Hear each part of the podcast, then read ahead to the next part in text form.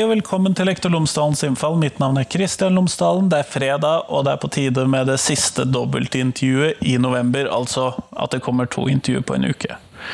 Dette podkastintervjuet er litt spesielt. Ehm, det er spesielt i den forstand at det er et intervju med Christian Beck og Marta Straume.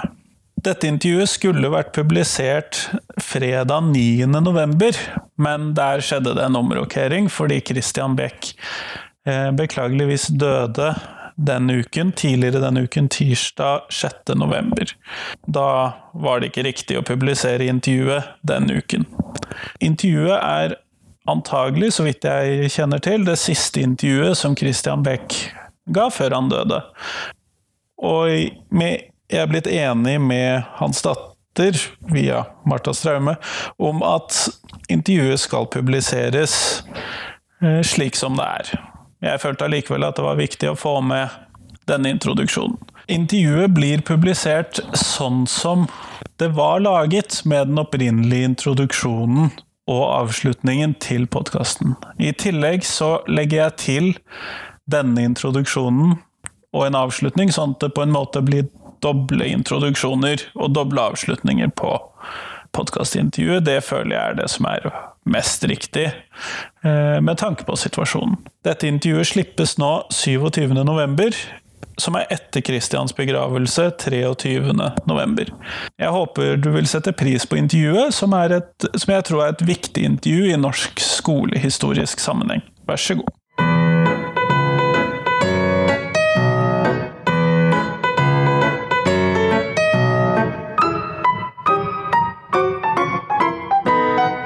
Hei og velkommen til Lektor Lomsdalens innfall. Mitt navn er Kristian Lomsdalen. Det er ikke tirsdag, men det er på tide med nytt intervju på podkasten min. Tidligere så har jeg intervjuet Christian Beck og jeg har intervjuet Marta Bergo Straume om hjemmeundervisning her på podkasten. Denne gangen så har jeg faktisk fått dem i samme rom. Eh, Christian Beck fløy over fra Oslo for å snakke med meg og Marta. Han og Marta holder på å skrive en bok om historien om norsk hjemmeundervisning, og hvordan det forandret seg på Særlig 90-tallet, men også 80-tallet og etter hvert 2000-tallet. Eh, og hvordan historikken der var, hvordan sakene var. Og kanskje også litt om dette her med hvorfor dette var så kontroversielt. Så det er rett og slett det vi snakker sammen om. Eh, dette er et veldig spennende intervju, og intervjuene med Christian Beck og Marta Bergo eh, Straume har vært noen av de mest populære intervjuene på podkasten fram til nå. Sånn at eh, jeg tror dette kan bli interessant for flere. Her får du intervjuet, vær så god.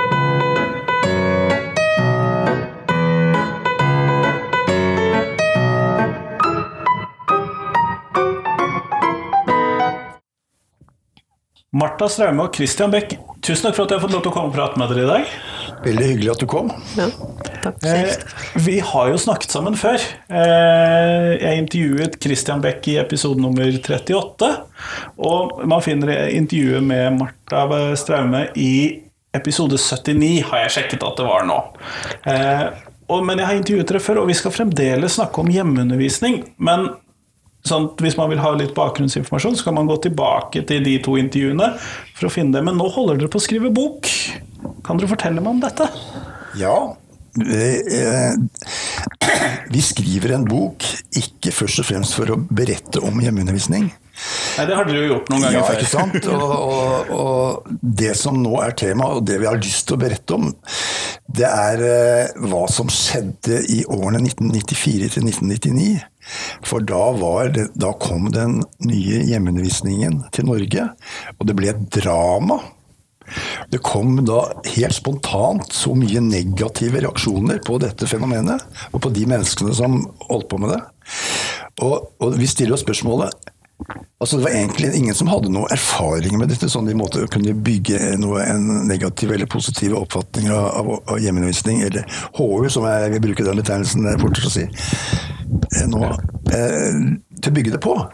Det kom rett og slett bare pang! Eh, så var liksom de negative reaksjonene der. Og vi stiller oss spørsmål nå hvorfor?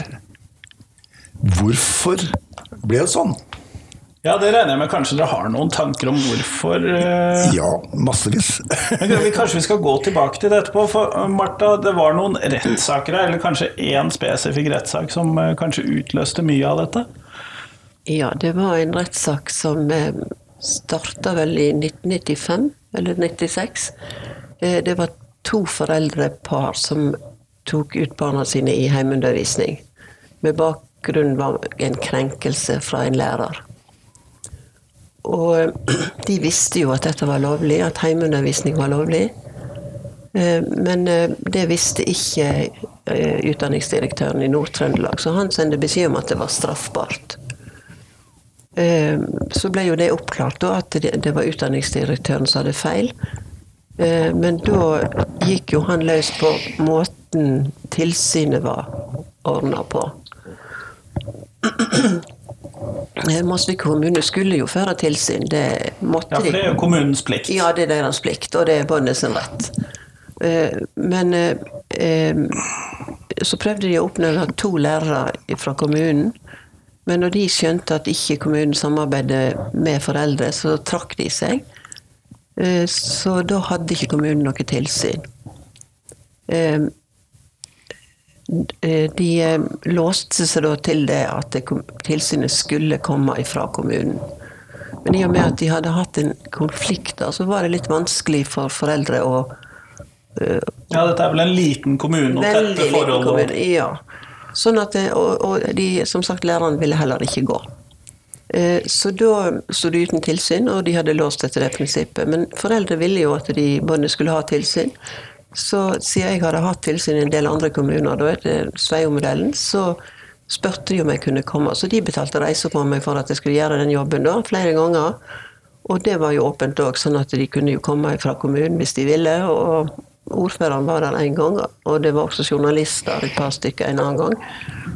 Eh, Så Relativt mye oppmerksomhet og store personer inne. Veldig, veldig. Og, og det var godt kjent at det, dette var folk som drev ordentlig undervisning. Det, det beskrev jo avisene om òg, da. Og, og skolesjefen han sa jo det, eller skrev det faktisk i et brev, at de visste at disse bøndene fikk undervisning.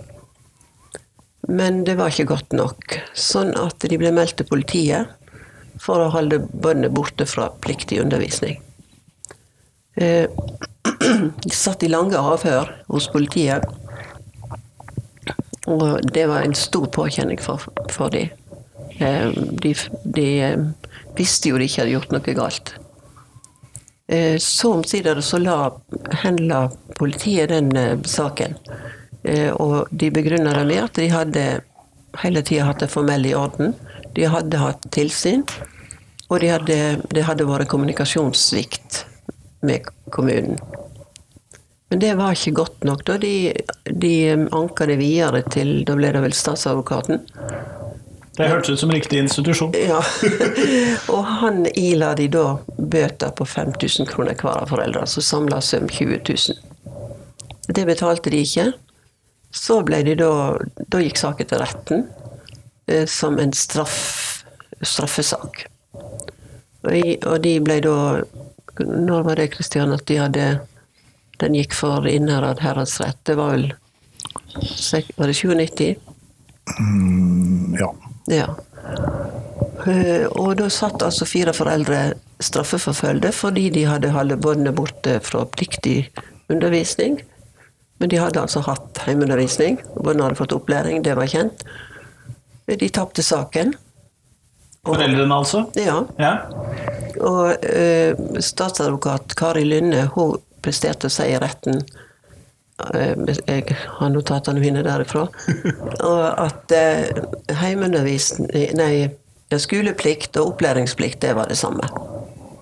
Og dessuten brukte de da en lov som ennå ikke hadde tatt i kraft, og ikke kom ble vedtatt på den måten heller. Det var den nye opplæringsloven der de forsøkte å innføre skoleplikt eh, litt av bakveien. Den brukte de saksdokumentet for. Det det stemmer, det, sant? De, ja. ja. Og så, så tapte de så det suste, og anka via til lagmannsretten. Eh, der, ja, der vant de saken. Eh, det var enstemmig. De hadde ikke gjort noe galt. Eh, Allikevel så, så da dette, og det er en straffesak, det er det som er så fascinerende. ja. Og så gikk de da til departementet og fikk en utredning fra departementet, og så eh, anka de den opp til Høyesterett. Og de kunne jo ikke anka straffespørsmålet, Nei. men de ville ha en uttale fra Høyesterett. Og, og den gikk til Høyesterett. Der ble det da en delt eh, dom det er Ikke dom, det ble en kjennelse delt. Der høyesterettsjustitiarius Karsten Smith han var enig med lagmannsretten. Og den, Da gikk det tilbake til å være ingenting. Rett, altså til, Saken var henlagt, og botet ble aldri betalt. Men hver av foreldre hadde det, foreldreparet hadde da tapt 250 000 kroner i Saksomkostninger, Ja, i arbeidsfortjenester. Saksomkostninger Ja, fikk altså, de. altså var det, Ja. det som var også å merke seg med denne Mosvik-saken, da, det, det er jo det at det, altså, ikke sant, På den ene enden så har du politianmeldelser, barnevern eh, altså sto om mye i media eh, styr rundt dette her. liksom at det, eh, Forferdelig. Noen Altså, hva er dette? Er det et svik mot liksom eh, enhetsskolen og tillitssamfunnet? eh, Store fellesskaps sosialdemokratiet? Eh, ikke sant? At det er forferdelig. Og på den andre siden så har du da eh, at faktisk Mosvik-saken fikk stor innflytelse på den nye skoleloven som kom i 1998. Det var den som de prøvde å bruke denne Ja, ikke Ja, det, ja. Både i Mosvik-saken og i andre saker rundt 1996-97 så, eh, så brukte de da den odelstingsproposisjonen som lå til grunnlag for loven, som egentlig hadde innført skoleplikt, brukte de i saker i kommunene. Og, da, da, og hadde da, Det førte til et mye strengere tilsynsregime enn det som var lovgrunnlaget da. Det er jo litt spesielt. fra Det er veldig 1969. spesielt, ja. Også, også, men liksom, det virker som det var panikk. Og så, og så, det ene siden reaksjonen panikk og, og, og forferdelse over at noen kunne finne på dette her med hjemmeundervisning. Men på den andre siden så var de opptatt av det. På, altså, hjemmeundervisning vi, vi så jo da, for vi fulgte dette nøye, vi så jo at det var de samme menneskene i departementet som drev og på en måte ordnet opp med disse hjemmeundervisningssakene. Og skrev brever til kommuner og fylker og sånt nå i saker. Det var de samme som satt og lagde loven. Samme personene.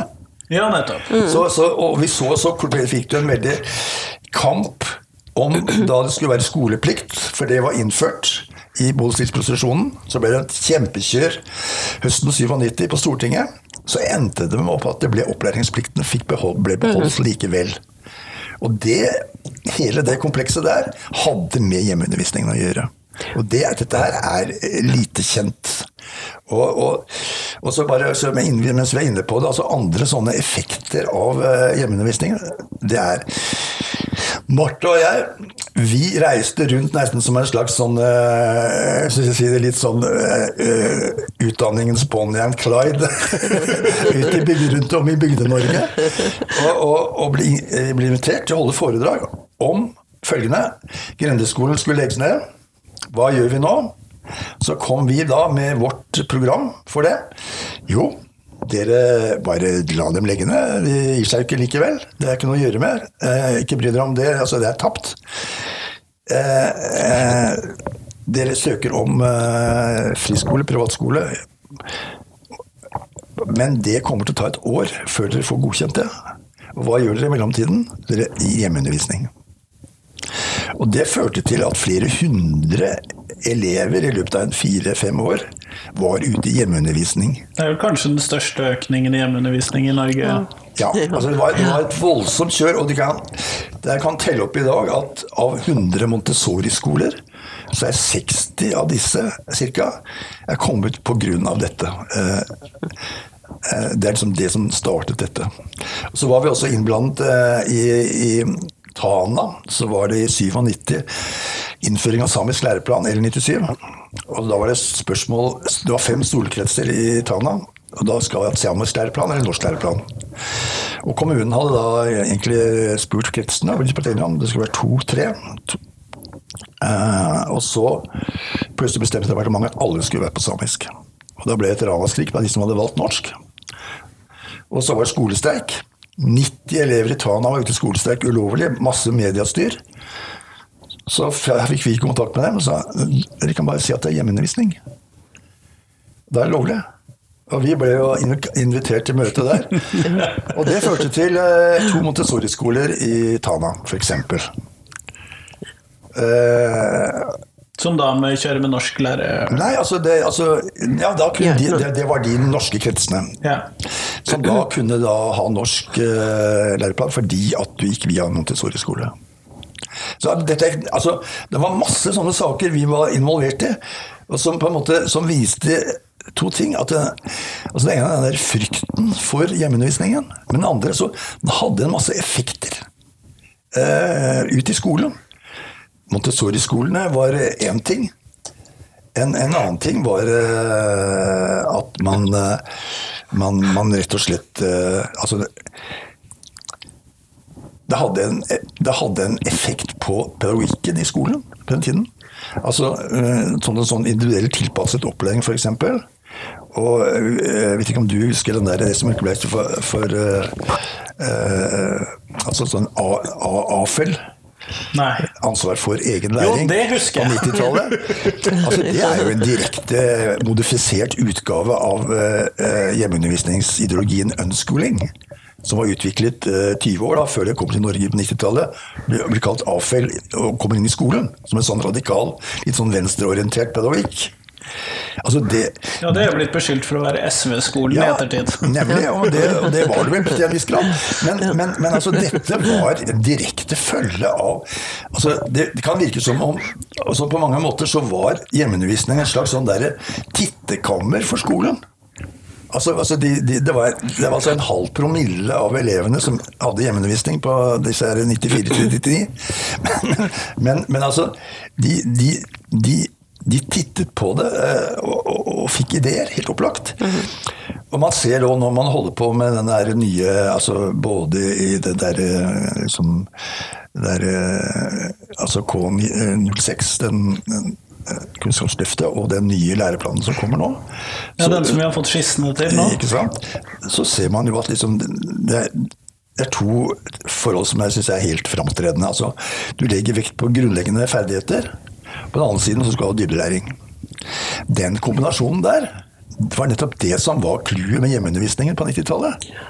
Altså de, de skjønte det at de måtte lære barna sine lese skrive og regne. Det grunnleggende der. Men samtidig så var jo dette her noe som kunstnerisk eller håndverksmessig, eller gjerne også akademisk, som var liksom grunnen til at det begynte med hjemmeundervisning.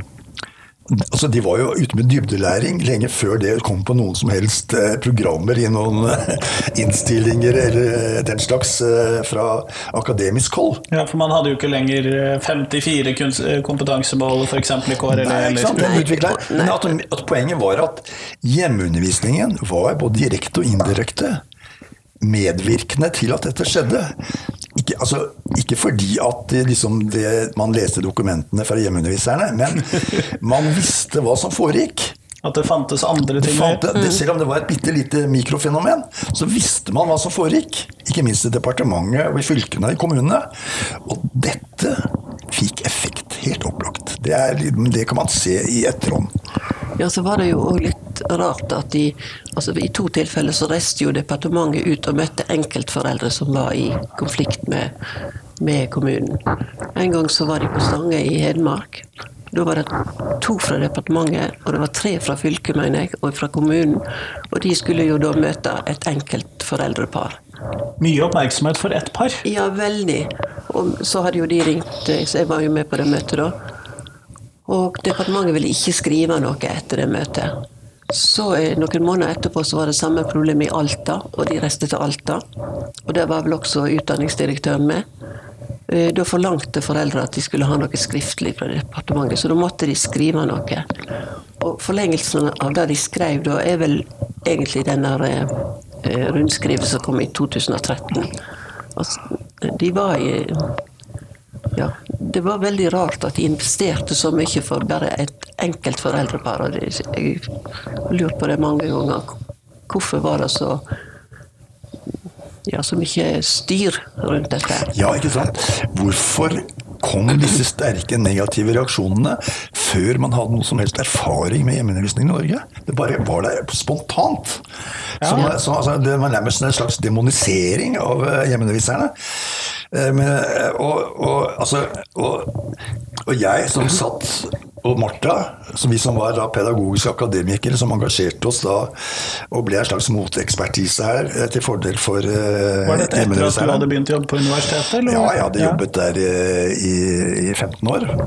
Uh, og, og, det, kan, det har jeg lyst til å fortelle en historie som på en måte belyser hvordan altså dette er fryktregimet som var rundt uh, hjemmeundervisningen. Jeg hadde da ganske solid publisering og akademisk bakgrunn gjennom gjennom 20 år. Og, og, jeg fikk beskjed om at nå måtte du søke professorstilling, Christian. Og så tenkte Jeg og så jeg visste at jeg hadde motstandere i miljøet pga. dette med hjemmeundervisningen.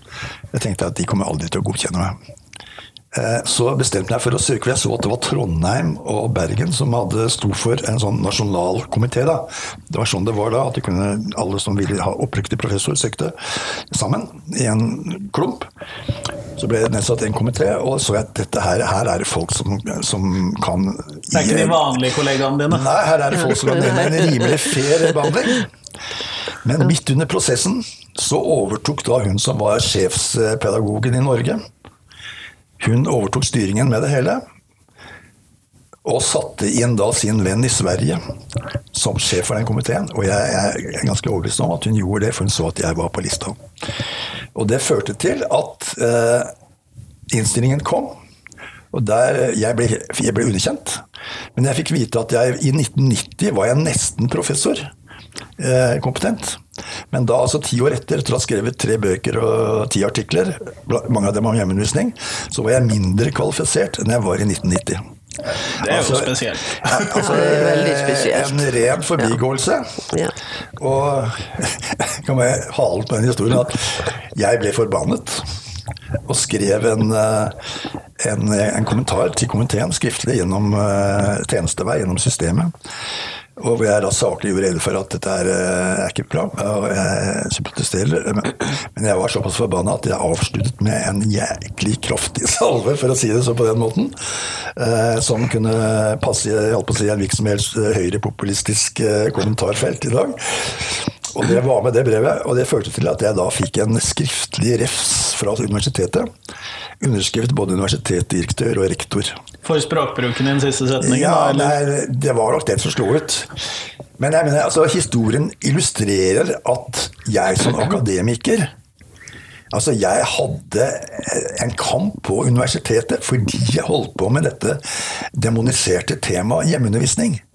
Da, men, men, men da, da, da, spør jeg meg hvorfor Hvorfor oppfattet folk og myndigheter dette fenomenet som så veldig farlig? Og, liksom, det, og, det, er det denne boka skal handle om. Mm. Eller handler om. Og, og, det er liksom bare, bare, bare noen, det er to sånne punkter, bare kort på det. Altså, altså Man kan kunne tenke seg at det var frykten for at disse HV-barna ville lide. Og det er nok noe, men, men ja, det er jo en relativt i hvert fall legitim bekymring, om ikke annet. Det, det, det, det, er derfor man har tilsynsordning. Ja, ja men de forsvant jo fort ut i av hele tankegangen. Sant? Det var ikke bare og, og det var nok reelt, det. Men allikevel så ble selve debatten om det ble noe helt annet. Altså Det virker som man var redd for skolen.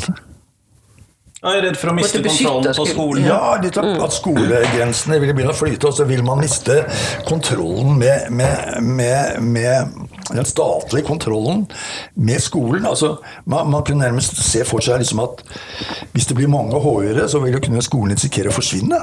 At du fikk en helt annen uh, si, opplæringsregime i samfunnet. Og at, og at, man så liksom at man kunne se liksom at hva skal vi si, kunnskapsgrunnlaget i vår siviliserte samfunn ville på en måte eh, bare smuldre bort fordi at skolen forsvant. Man fikk inntrykk av at, at det lå noe nærmest sagt en ubevisst kollektiv angst. For det var så sterke reaksjoner at det var liksom mer enn en sånn eh, rasjonell frykt for omsorgen til HU-barna. Ja, sant, det gikk mer på skolen som en helhet? Ja, samfunnet var, det berørte et eller annet i tiden. Eh, som, eh, altså, ja, som, som, eh, som, som var truende. Og vi var truende mot det. Men Martha, eh, denne Mosvik-saken, stopper den der hvor du avsluttet i stad med at foreldrene har tapt en god del penger i inntekt og de har tid og sånn, eller går den videre fra Høyesterett? Eller bare dør saken ut der? Altså, den gikk jo tilbake til start. Altså det der som, som eh, politiet i, Mos, i Leksvik og Mosvik de henla saken med de begrunnelsene. Så den er jo egentlig ingenting. Botet ble aldri betalt. Eh, Foreldre fikk heller aldri noe sånn beklagelse eller noe. De fikk jo, satte jo en friskole etterpå, og Bonnie gikk jo der da på skole. Så, men eh, de bar jo mye på sine skuldre, og det som senere kom andre til gode eh, når det gjaldt heimeundervisning. For det ble jo enklere etterpå eh, for andre. Ja, altså, ja, altså tiden før og etter Mosvik-saken er helt markert. Altså, altså, staten vil jo ha den til som en prinsippsak. Egentlig fordi det ble knyttet til det som de trodde skulle bli innholdet i loven av 98, skoleplikt. Men så ble det ikke sånn. Og så var det så knapt tap i, for, for, foreldrene i Høyesterett. Er- Så de, de kunne ikke bruke denne saken rett og slett til et sånn der eh, styringssak. Men Det førte da nesten motsatt til at klima klimaet i behandlingen av HU-saker ble mildere, ble mer liberalt etter Bosvik-saken. Men ville man kunne innføre skoleplikt? Jeg tenker på sånne der, eh, menneskerettigheter og foreldrerettigheter og sånn, så syns jeg jo det virker litt vanskelig å skulle innføre skoleplikt. Men det er kanskje en mer prinsipiell bekymring. Ja, det var jo det de forsøkte på, og det ville jo være å undergrave foreldreretten. Eh, Iallfall starten på det. Så, så den dagen den eh, opplæringsplikten ble berga, det var jo, da var vi jo veldig glad.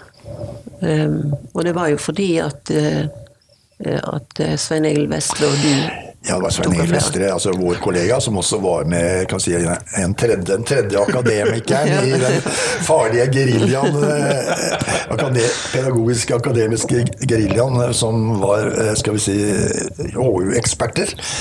Han, han hadde da forbindelse inn rett til Kjell Magne Bondevik i KrF. Det var Bondevik-regjeringen som da var kommet inn, inn i, i Bondevik 1, med andre ord. Jepp.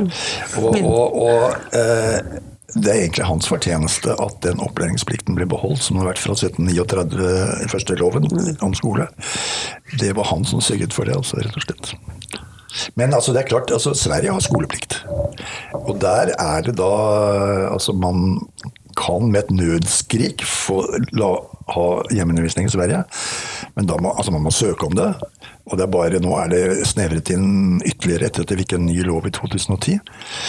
Eh, Så, så, så det blir et helt annet regime. Altså ikke helt, altså de passer på at de ikke på en måte går berserk mot eh, menneskerettigheter og går, gjør noe galt der. Det passer de veldig nøye på. Men samtidig så gjør det nesten umulig å være hjemmeundervisere. Svenske hjemmeundervisere de flytter nå til Åland. Ja, for de har eget selvstyr. Ja, de er, fem, men det er under finsk skolelov. Og der er det omtrent samme som i Norge. Det er opplæringsplikt og ikke skoleplikt. Så der er det nå øh, i hvert fall over 40 svenske familier som har lagd en hjemmeundervisningskoloni på Åland. Og noen har kommet til Norge. Og, Ja, noen få. Ja. eh, Ja. Og det er jo en sånn trend vi ser nå. Det er jo at, eh, at hjemmeundervisere er sånn mer spesifiserte, altså ønskulere, kristne, enslige mødre Ja, for nå begynner det å få- merkelapper og interne ja, kategorier og sånt. sånn. Og, og, og, så, og så har du internett og online, ikke sant? veldig mye kontakt i, i sånne grupper. Så det blir jo nærmest selvforsynte, ikke bare i forhold til opplæring, men mer i livet. Det blir, kolo- altså, det blir et slags samfunn i samfunnet. Eh, Det er for eksempel, eh, I Danmark så er det kommet en relativt stor koloni på Bornholm av eh, hjemmeundervisere. Ja, nettopp. På Bornholm. Ja. Det Det er er ikke- litt sånn utkantstrøk i Danmark. Det er jo ikke det stedet jeg ville tenkt meg at man skulle flytte for å drive hjemmeundervisning, men ok. Det som jeg har vært opptatt av, er jo de, alle de som blir mobba. Altså, og det får en ikke gjort så mye med i skolen. Og når det var siste undersøkelse, var det opp mot 50 000 som mener de blir mobba. Ja, jeg mener at det Ja. var rundt det. Ja, og de tar jo, mange av de tar alvorlig skade. Jeg har møtt en god del av de. Og, og de, noen av de er berga gjennom heimeundervisning. 50 000 er nesten et helt årskull. Ja, det er det det. Det, er dramatisk. Og, og noen av de har problemer med et arbeid når de kommer ut i, i livet senere. Så, så det er en del hjemmeundervisere pga. mobbing i skolen. Altså pga. at um, ja, det sosiale miljøet, pga. ja. Altså, jeg må jo også fortelle, sånn bare for å illustrere situasjonen på da 94. Da var det en familie eh, oppe i Skaun kommune utenfor Trondheim. Der har jeg vært. Du har vært der, ja. Som da hadde begynt med hjemmeundervisningen. Og det var jo da Det ble jo politianmeldelser og barnevern og hele pakka, og det ble beskyldt for å bryte skoleplikten osv. osv. Og så var det en vennlig sjel av en, en eh, advokat, Liv Klemetsen her i Oslo, som nå døde for noen år siden. Hun, hun Det ble altså rettslig sak ut av det, og hun, var forsvarer, hun ville være forsvarer for disse, denne familien. Så husker jeg, så hadde vi samlinger på hennes kontor i Oslo. Det var den familien fra Skaun. Og så var det Marte og jeg som var oppnevnt som sakkyndig fra Forsvarets side. Og så var det en hjemmeundervisningsfamilie fra Åmli. Og så var det han eldste gutten da, som, begynt, som, skulle begynne på skolen, men som hadde hjemmeundervisning istedenfor. Og så Vi satt der for å forberede dette rettslige møtet i, i, i, i retten i Trondheim. Vi det godt tenke, så satt vi der og tenkte ja, vi, må jo, vi må jo ha noe objektivt, så vi må jo teste denne gutten. ikke sant? så hadde Martha hadde fått tak i Karlstens lesetest. Jeg lagde jeg er jo, jeg er jo kan bare Rafa, ikke sant? så jeg kan litt matte, så jeg lagde hast noen pluss-minus-stykker på passende nivå. Og ga guttene mine ja, Det var jo lettmatch for han kunne alt sammen. Så, så, ikke sant? Men, men altså Altså, det var en David mot Goliat-kamp. Ja, det kan jeg jo tenke meg, for det er jo staten eller kommunen mot relativt små ja, familier. De var David tapte så det suste. Det var tre rettssaker om hjemmeundervisning i 95. Eh, Hjemmeundervisningen tapte så det suste. Men likevel så ser man at dette fenomenet har festet seg. Altså Det er ytterst få hjemmeundervisere i Norge. Det, vokst, det, vokste voldsomt fra 94 til 99. Men det er ikke mer et sted mellom vanskelig å telle, egentlig. Mellom 150 og 300, la oss si det.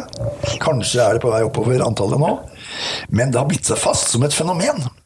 Og igjen så drømmer det liksom Hvorfor? Og jeg tror nøkkelen til det finner du i 90-åra.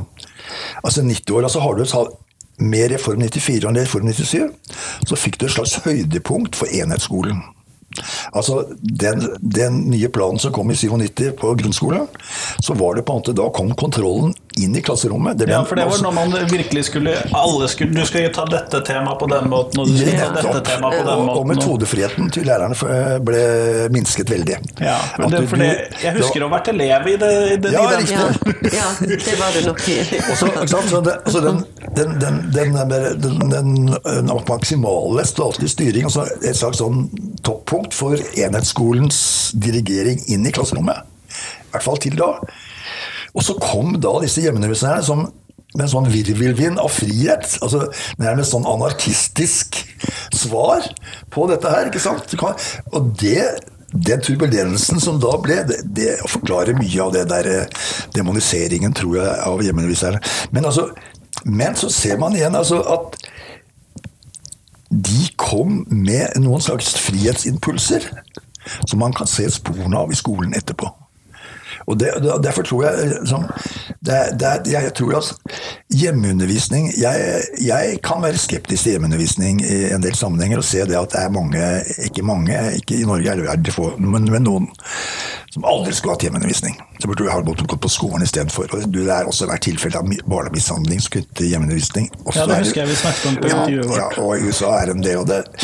Men det er også mye bra hjemmeundervisning, men, men, men, altså, men, kanskje først og fremst på et sånt samfunnsnivå så er det et slags det er, det er sånt reservoar av fritenkning som er også skolen kan dra nytte av. Som kanskje ja, eh, ja, som vi ser sporene av da fra hvis vi tar utgangspunkt i 90-tallet til i dag, så ser vi at det har skjedd. Mm. Jeg jobba jo i skolen på den tida. Jeg jobba jo i ungdomsskolen, og så jobba jeg noen år på høgskole. Og, så jeg hadde jo anledning til å se hjemmeundervisningen opp mot den skolehverdagen som jeg hadde sjøl. Ja, fordi at du ja. var jo praktiserende lærer ja, ja, i den fellesskolen. Ja, det var jo det. Og, og jeg, jeg, så jo der mange som hadde hatt det godt hvis de hadde fått hjemmeundervisning. Men det betyr jo ikke at jeg ikke liker skolen, og syns at det er mye bra i skolen. Sant? Så det, det er um, og det ser jeg nå seinere, at, det er en god del skolefolk som slapper mer av. Og, og de som har heimeundervisning, de har gjerne heimeundervisning et år, og så er de tilbake på skolen litt. Og noen får det til med å ha, være litt på skolen og litt hjemme. Fordi det er en god del barn som ikke tåler så mye samvær med andre som det er blitt nå. Så, sånn at på det lokale planet så kan en få til mye godt. Men det var de som spurte departementet, som fikk så feil svar. Fordi de ble tatt på sengen, tror jeg. Men samtidig, så dette i 95 og 96, så skjedde det jo mye akkurat på det der lokale planet. Ifra, ifra Sveio, som vi traff Knut Martens, ikke sant? Og, og, i andre kommuner som da hadde en sånn enkel modell for hvordan tilsyn skulle være, der alle ble trygge.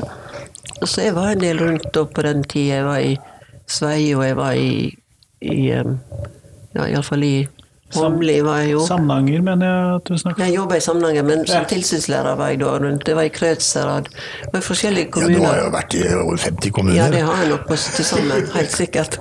Men det har gått stille og rolig for seg der som de forsto at de, grunnskoleloven var helt grei. Sånn? Det var ikke noe mer de trang for å, for å gjøre en skikkelig jobb når det gjaldt føre tilsyn.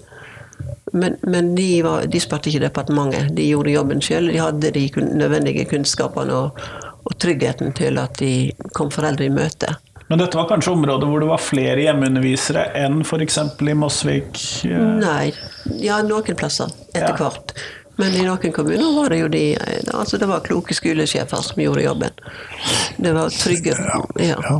Nei, nei, men i 2006 så gjorde jeg sammen med han Svein Egil Vestre, som vi har nevnt alt, vi gjorde en undersøkelse om Vi hadde et representativt utvalg på 1000 foreldre fra, som hadde barn i norsk grunnskole, eh, om hva de syntes om skolen. Og en, hadde vi en bolk med hva de syntes om hjemmeundervisning. Og det var ganske interessant. Blant annet så svarte eh, Altså, vi spurte dem følgende Kunne du selv tenke deg å ha hjemmeundervisning med ditt barn for en periode? 10% svarte ja. Det er en relativt høy andel. Mm. Ja, altså tatt, mm. tatt, i betraktning at uh, det er en halv promille som drev med hjemmeundervisning, så er det 200 ganger omtrent ganger det. Ja. Uh, det er mye, det. Og, og, hvis man da så på grunnene til at de kunne tenke seg hjemmeundervisning, for en periode. Altså jeg tror altså, Det er veldig få disse som vil realisere det. Men det viste i hvert fall at hjemmeundervisningen var blitt måte, noe i løpet av disse 10-15 årene som hadde gått, var blitt mer akseptert. Og, og, men grunnene til at de kunne tenkt seg denne periode av hjemmeundervisning, er interessante, for det var, det var ikke faglige grunner, det var sosiale grunner. Altså to sekker av sosiale grunner. Det ene var det som Marte har vært inne på, det med mobbing og det. Sosiale problemer på skolen. Det andre var det at de rett og slett ville ha mer tid med barna sine. At de da kunne bruke hjemmeundervisningen nærmest som en slags buffer i den moderne, hektiske barnefamilielivet. ikke sant? Og bare si at nei, nå tar vi styringen selv, og vite at du hadde loven. Da har du rett til å gjøre det. F.eks. dra på en utenlandstur. Ja, disse eh, jordomseilingene ja, sånn. Det var jo de mine første møter med hjemmeundervisning. Ja, og, og, og, de blir fint behandla. ja, de ble forholdsvis fint behandlet. Men du kunne også tenke deg andre, andre At du kunne bare være hjemme for den saks skyld at, det, at, dette var mulig og lovlig. Jeg tror det var det som lå oppi hodene på mange foreldre. At dette var noe de hadde hørt om, det var ikke ja, lenger det, bare de, gjerninger fra USA? Nei, ikke sant. Og, det, og da de smakte på det, så smakte det faktisk ganske godt. Det hadde vært, kanskje vi skulle gjøre det en gang. Eh, men, det var, men, men altså, det var ikke faglige argumenter for at de kunne tenke seg muligens å gjøre det en periode med hjemmeundervisning. Det var sosiale. Ja. Og så er det gjerne sånn at hvis de først har hatt hjemmeundervisning, så er det en det kan være én grunn til at de begynner med hjemmeundervisning, men en annen grunn til at de fortsetter. Sånn, nettopp fordi at de, de, liker det, og barnet liker det.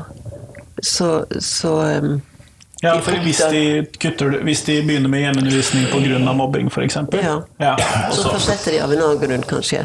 Og, og, og det som jeg erfarte sjøl, det var jo det at jeg pleide å si det sånn at på halve tida så klarte vi å gjøre dobbelt så mye som på skolen. Og da frigjør det jo så mye tid at du kan ta deg en tur og, og gjøre helt andre ting sammen. Ja, altså, det, det Martha sier der, er veldig viktig. Altså, eh, etter å ha møtt hjemmeundervisningen og reflektert over dette gjennom to-tre to, tiår, to, så, så, ser jeg jo det at altså, skoledebatten i dag altså, det er mer og mer tid på skolen, både i antall år, diskusjonen om seksåringen, noe som har vært i øst på skolen, eh, alt dette med sånn aktivitetsskole, SFO og sånt noe. Det blir veldig mye tid for unger i veldig mange år på skolen.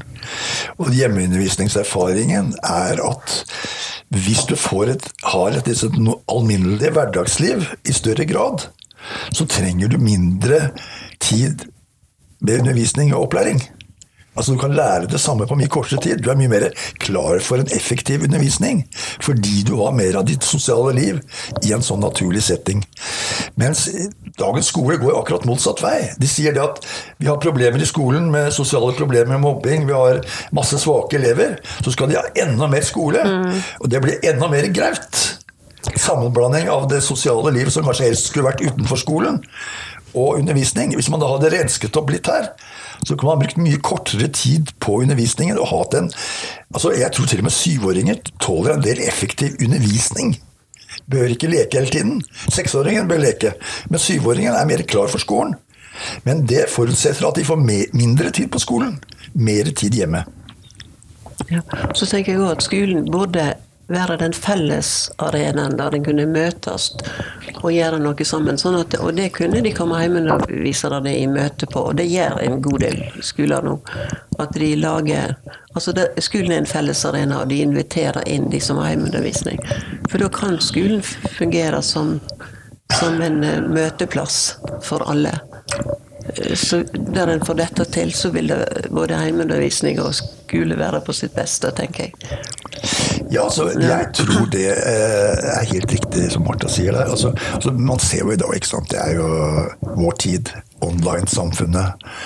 Eh, altså man, I USA så er, jo, så er, jo, Facebook og Google og andre sånne store online-selskaper er jo på full fart også inn i en offentlig grunnskole i USA.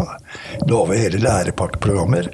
Man blir mindre og mindre avhengig av selve skolen som en opplæringsinstitusjon. Som bygning? Som bygning. Ja.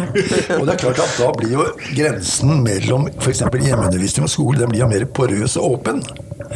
Så da kan man liksom altså jeg, jeg, jeg ser for meg altså jeg, eh, Som jeg også skriver med denne boka altså har, Skole kan defineres på tre måter. Det ene er den skolen som vi kjenner i dag. Den, veldig, altså den bygningen, som du sier. Institusjonen. og institusjonen med faste lærere. Ja, ikke sant? Det er, liksom den, det er liksom den mest gjennomførte formen for skole. Så har du en mellomvariant, som er liksom det at skolen kan være sted hvor du blir sertifisert. Arrangere eksamener, eh, vitnemål. Du kan eh, be om spesielle ressurser og spesielle opplæringspakker, eh, men avgrenset. Det er et sted å gå for å oppsøke dette. Det er nivå nummer to. Men du har et tredje nivå. Du kan si at, at skole er et mer hvit begrep skolering. Som skjer i, mellom menneskene i samfunnet på en mer uformell måte. Men også kanskje i andre formelle sammenhenger enn skolen. Idrettslag, eh, Speideren osv. Men i Norge, for denne mellomtrinnet du nå trekker frem, da, ja. eh, så mangler vi jo i Norge en tradisjon for å ha eh, type avsluttende prøve for Si at du Eller si, eh, avsluttende prøve for 10. klasse pensum eller tiendeklassefag. Det er den typen prøver, eller opptaksprøver sånn. Har du alt det du trenger for å begynne på videregående? Har du alt det du trenger for å begynne på universitetet? Det har vi jo ikke noe tradisjon for i Norge.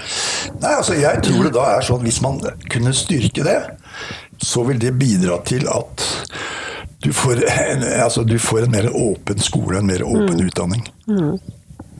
Ja, mer, ja. Og det tror jeg ligger i tiden. Ikke minst pga. globaliseringen og online-samfunnet. Og det er et mål å arbeide mot når du jobber med fag, eller skulle på veien mot hvis det. Ja, fordi da vet du at for å klare norsk ja. ut av ungdomsskolen, så må jeg kunne dette til da. Ja. Det er jo noe som en har hatt tidligere. Det er jo forlete på et eller annet tidspunkt. Sikkert med ungdomsskolen. Innføring av ungdomsskolen, så ble det jo redusert. På realskolen hadde jo det der. Ikke sant? Men det er jo langt tilbake. Ja, nei, jeg har veldig lite kunnskaper om realskolen. det har du nok. Det kan jeg alt om som var privatist. Ja. Ja, nei. Men sånn at det høres ut som dere får skildret ganske godt denne relativt korte tidsperioden, men som tydeligvis eh, som virker som veldig viktig for utviklingen av hjemmeundervisningen i Norge. Mm -hmm. Ja, det er liksom det, det er liksom årene 1994 til 99.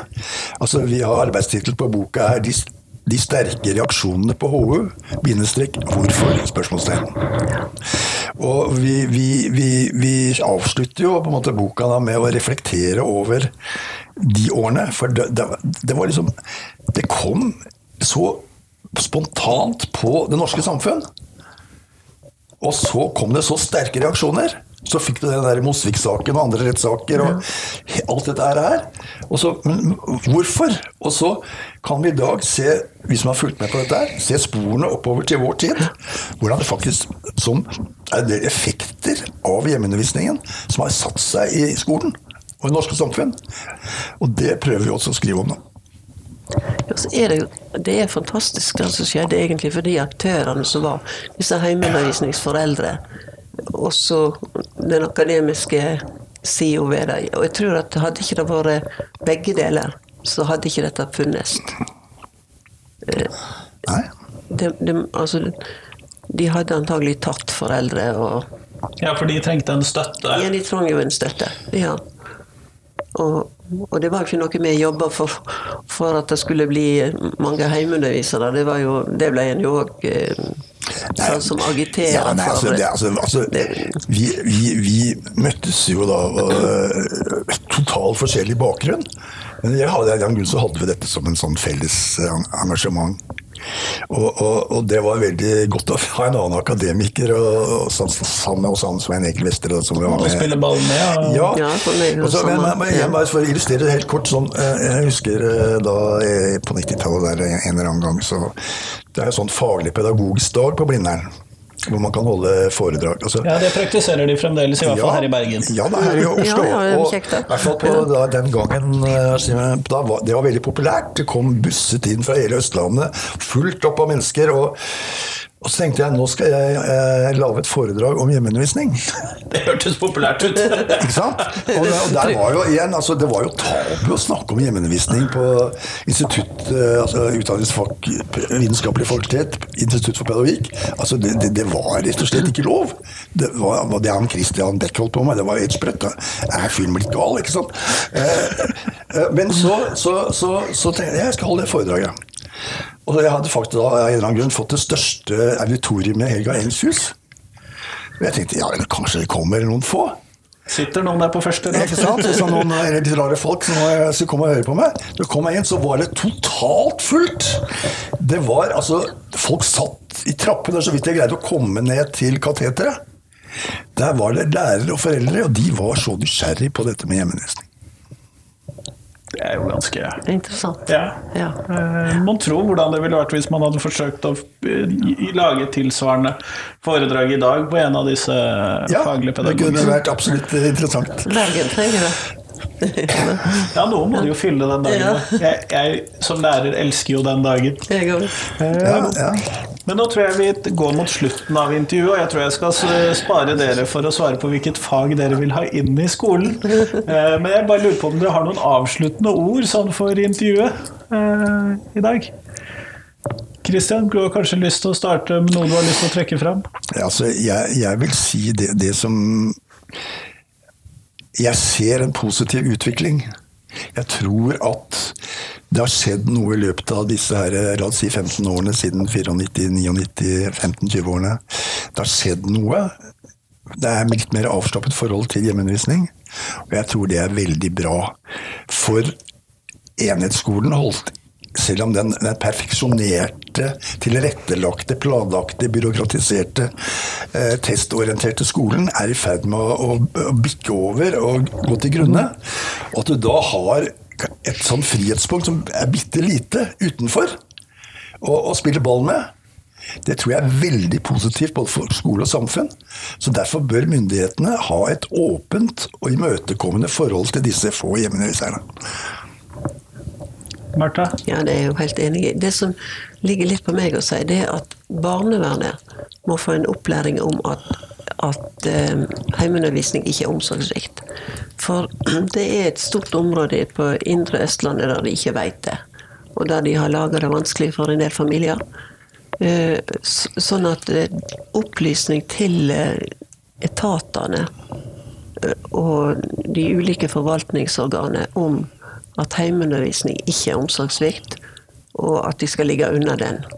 Og ikke bruke det til å, å eh, bedrive karakterdrap på foreldre. Og det har blitt gjort i flere tilfeller. Tusen takk for at jeg fikk prate med dere begge to. Takk skal Takk du ha. selv. Ja.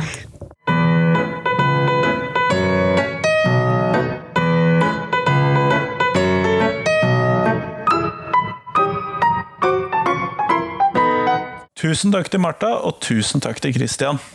Og så selvfølgelig tusen takk til deg som hørte på.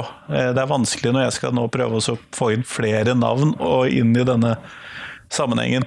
Eh, Nå er det eh, allerede et nytt intervju på tirsdag, det er bare fire dager til.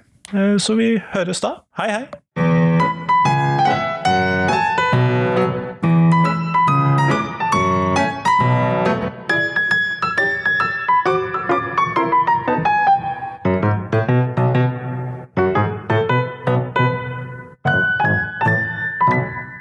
Med dette så ønsker jeg å si en ekstra tusen takk til Christians familie, til hans datter, som har latt meg få lov til å publisere intervjuet selv i disse beklagelige omstendighetene. Så tusen takk for det.